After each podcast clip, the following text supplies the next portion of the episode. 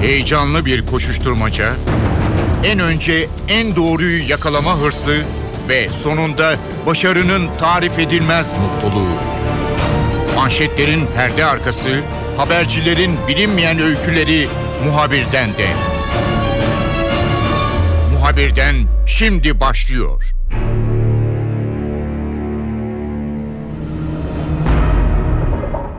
Türkiye Suriye'de artan tehdit sonrasında önemli bir karar verdi ve sınırdan yaklaşık 30-40 kilometre ileride bulunan Süleyman Şah Türbesi'ni Türkiye sınırına yakın bir noktaya taşıdı. Yapılan sürpriz bir operasyondu. Türk Silahlı Kuvvetleri'ne ait birlikler gece Suriye sınırından içeriye girdiler ve büyük bir gizlilik içerisinde Süleyman Şah ve iki askerinin naaşı yeni bir bölgeye taşındı. Olay sırasında Suriye sınırında NTV muhabiri Burak Özcan vardı. Burak bizimle olacak notlarını paylaşacak. Muhabirden başlıyor. Ben Kemal Yurteri.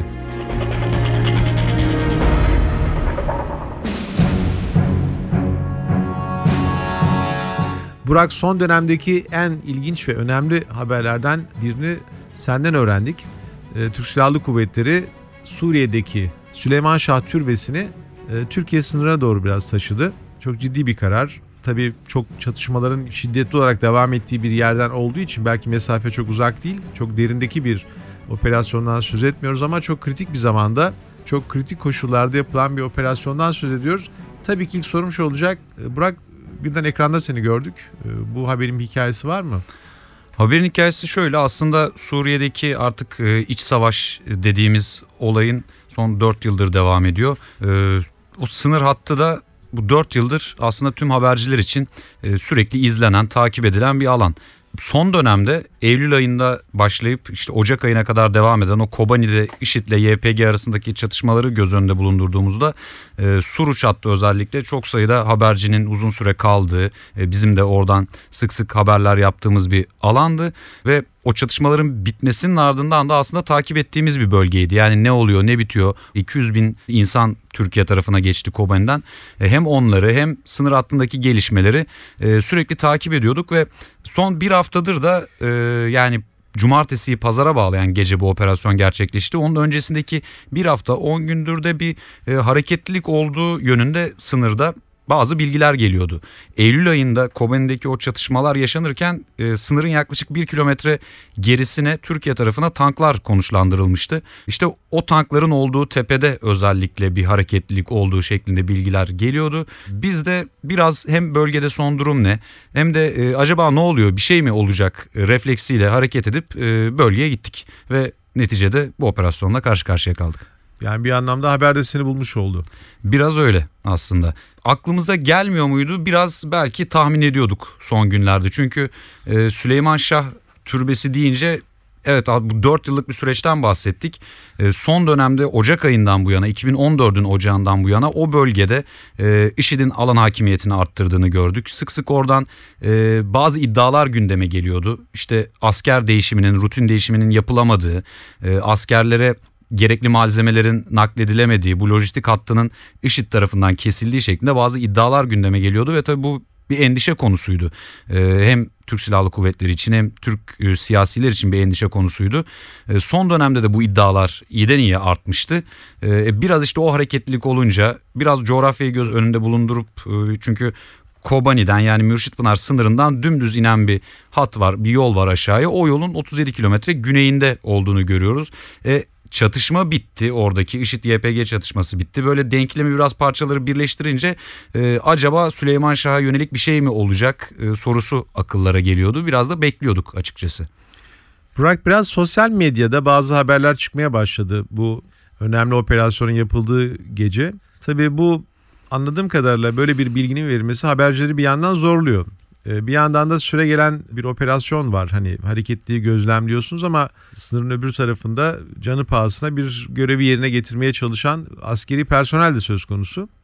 Tamamen gözle görülür ve takip edilebilir bir hale hangi saatlerde geldi? Herhalde geç saatlerde artık orada bir takım askeri hareketlikler bu gece tabii arabaların e, bir takım tankların falan seslerin duyulması veya gelecek gidecekleri karşılayacak olan e, askeri personelin sınır hattaki e, durumu herhalde artık gözle görülür hale gelmişti.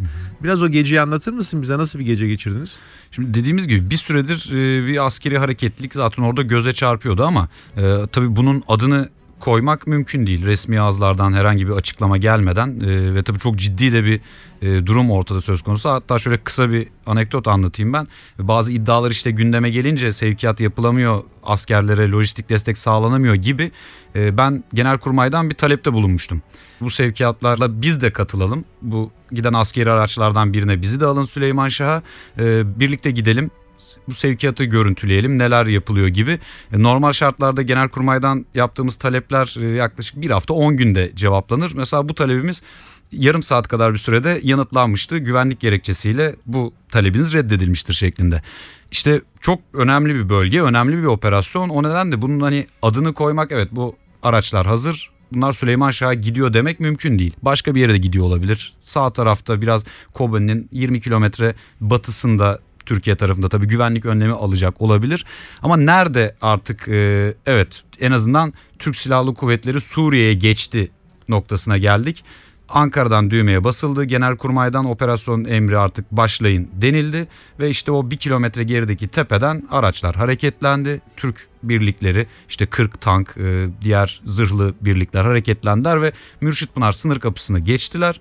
İşte biz o anda dedik ki tamam Türkiye e, Suriye'ye girdi. E, ve tabii bazı bilgilerde o dakikadan itibaren artık aldık e, orada. E, Süleyman Şah'a yönelik orada bir tahliye operasyonu olduğunu öğrendik. Tabii o araçlar geçti. E, askeri hareketlilik hiç bitmedi sınırda.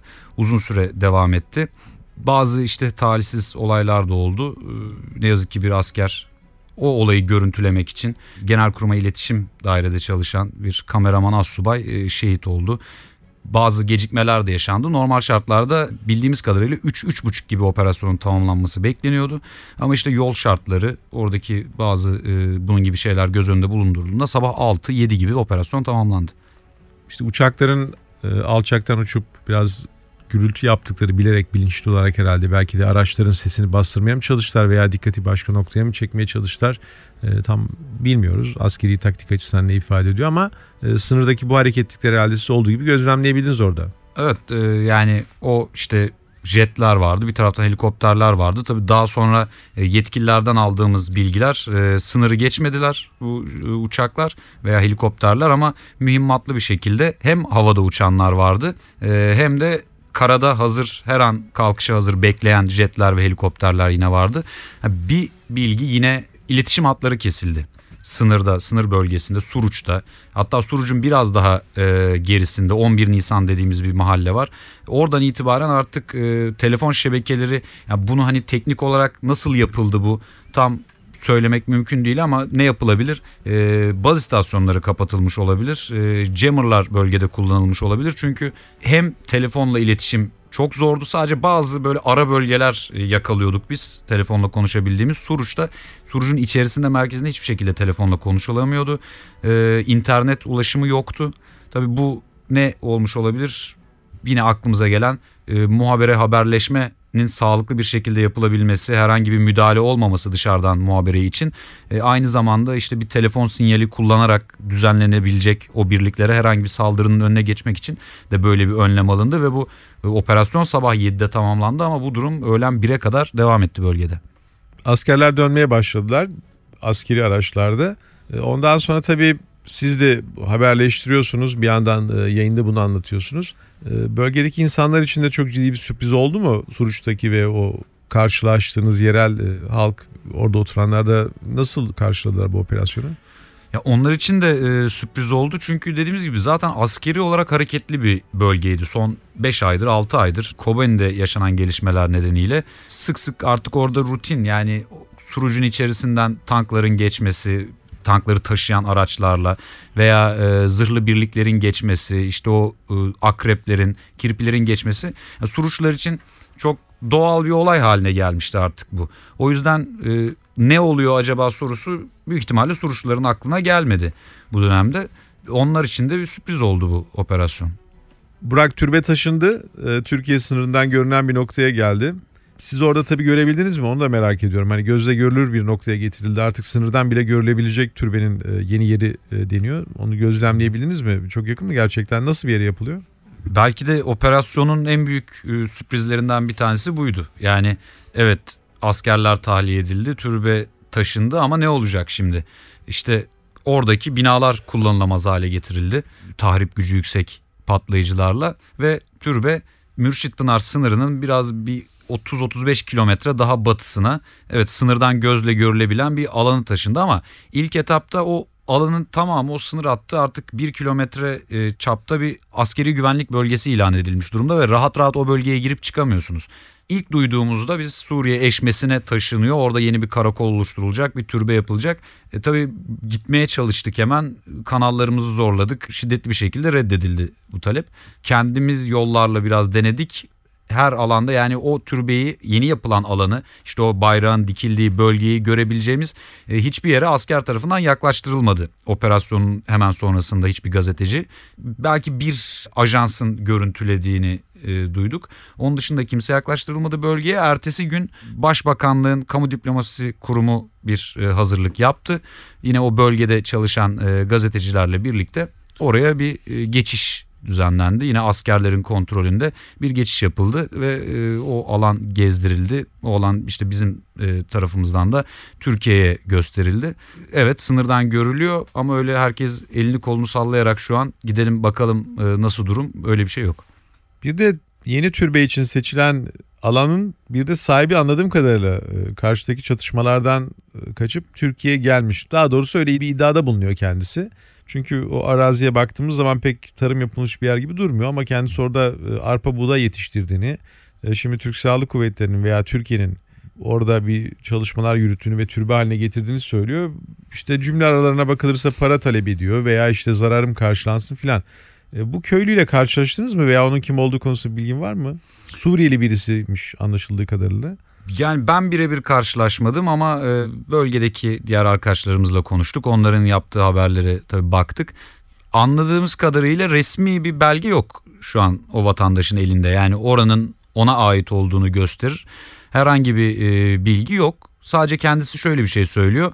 E, Halep'te kayıtlar var diyor. Buranın benim olduğunu gösteren ve Türkiye beni mağdur etmez. Yani ama orada tabii bir e, biraz dikkat çekici bir şey var. Şimdi 10 dönümlük bir arazi yaklaşık e, baktığımız zaman e, trilyonlarla değerinin ölçüldüğünü söylüyor. E, Bölgedeki emsallere baktığımız zaman orada 10 dönüm arazi pek trilyon etmez. Yani öyle değerler e, pek yok orada.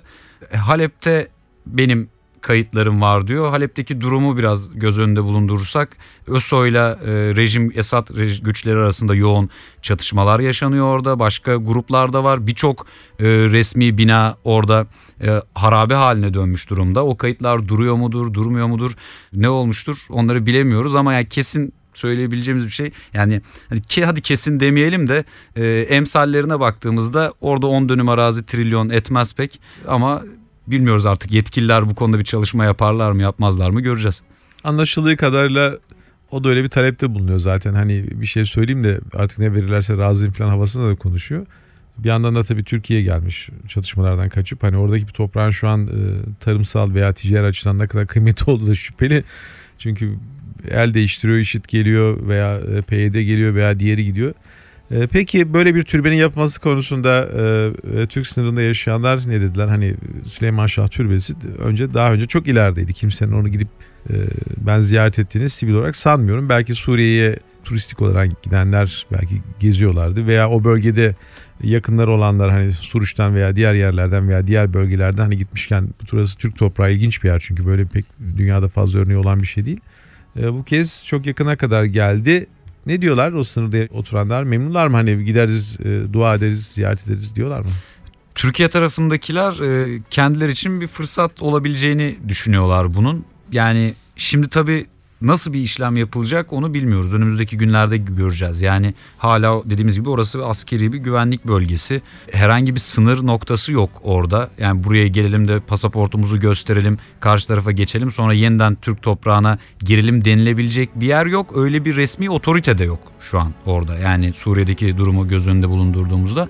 Ha, Ama günün birinde savaş biter. Suriye'de iç savaş biter. e, huzur ortamı sağlanır. Belki onun karşısında bir sınır kapısı açılır ve oradan geçişler yapılır. Yine orası ziyarete açılır. İşte bunu göz önünde bulundurup Türkiye tarafında yaşayan o köyde yaşayan vatandaşlar e, memnunlar. Belki gençlerimiz için bir e, gelir kaynağı olur düşüncesindeler. Belki işte orada rehberlik yapılabilir. Orayı ziyaret edecek olanlar elbette oradaki köyden geçecekler. İşte o köy içinde bir gelir kaynağı olabileceği kendileri için e, iyi olacağı düşüncesindeler.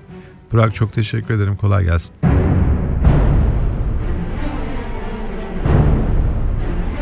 Muhabirden de bu hafta Türkiye'nin Süleyman Şah operasyonuna yakından baktık. Ben Kemal Yurteri. Muhabirden de yeniden görüşmek üzere. Hoşçakalın.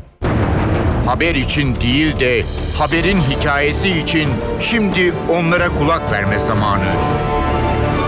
Muhabirden NTV Radyo'da.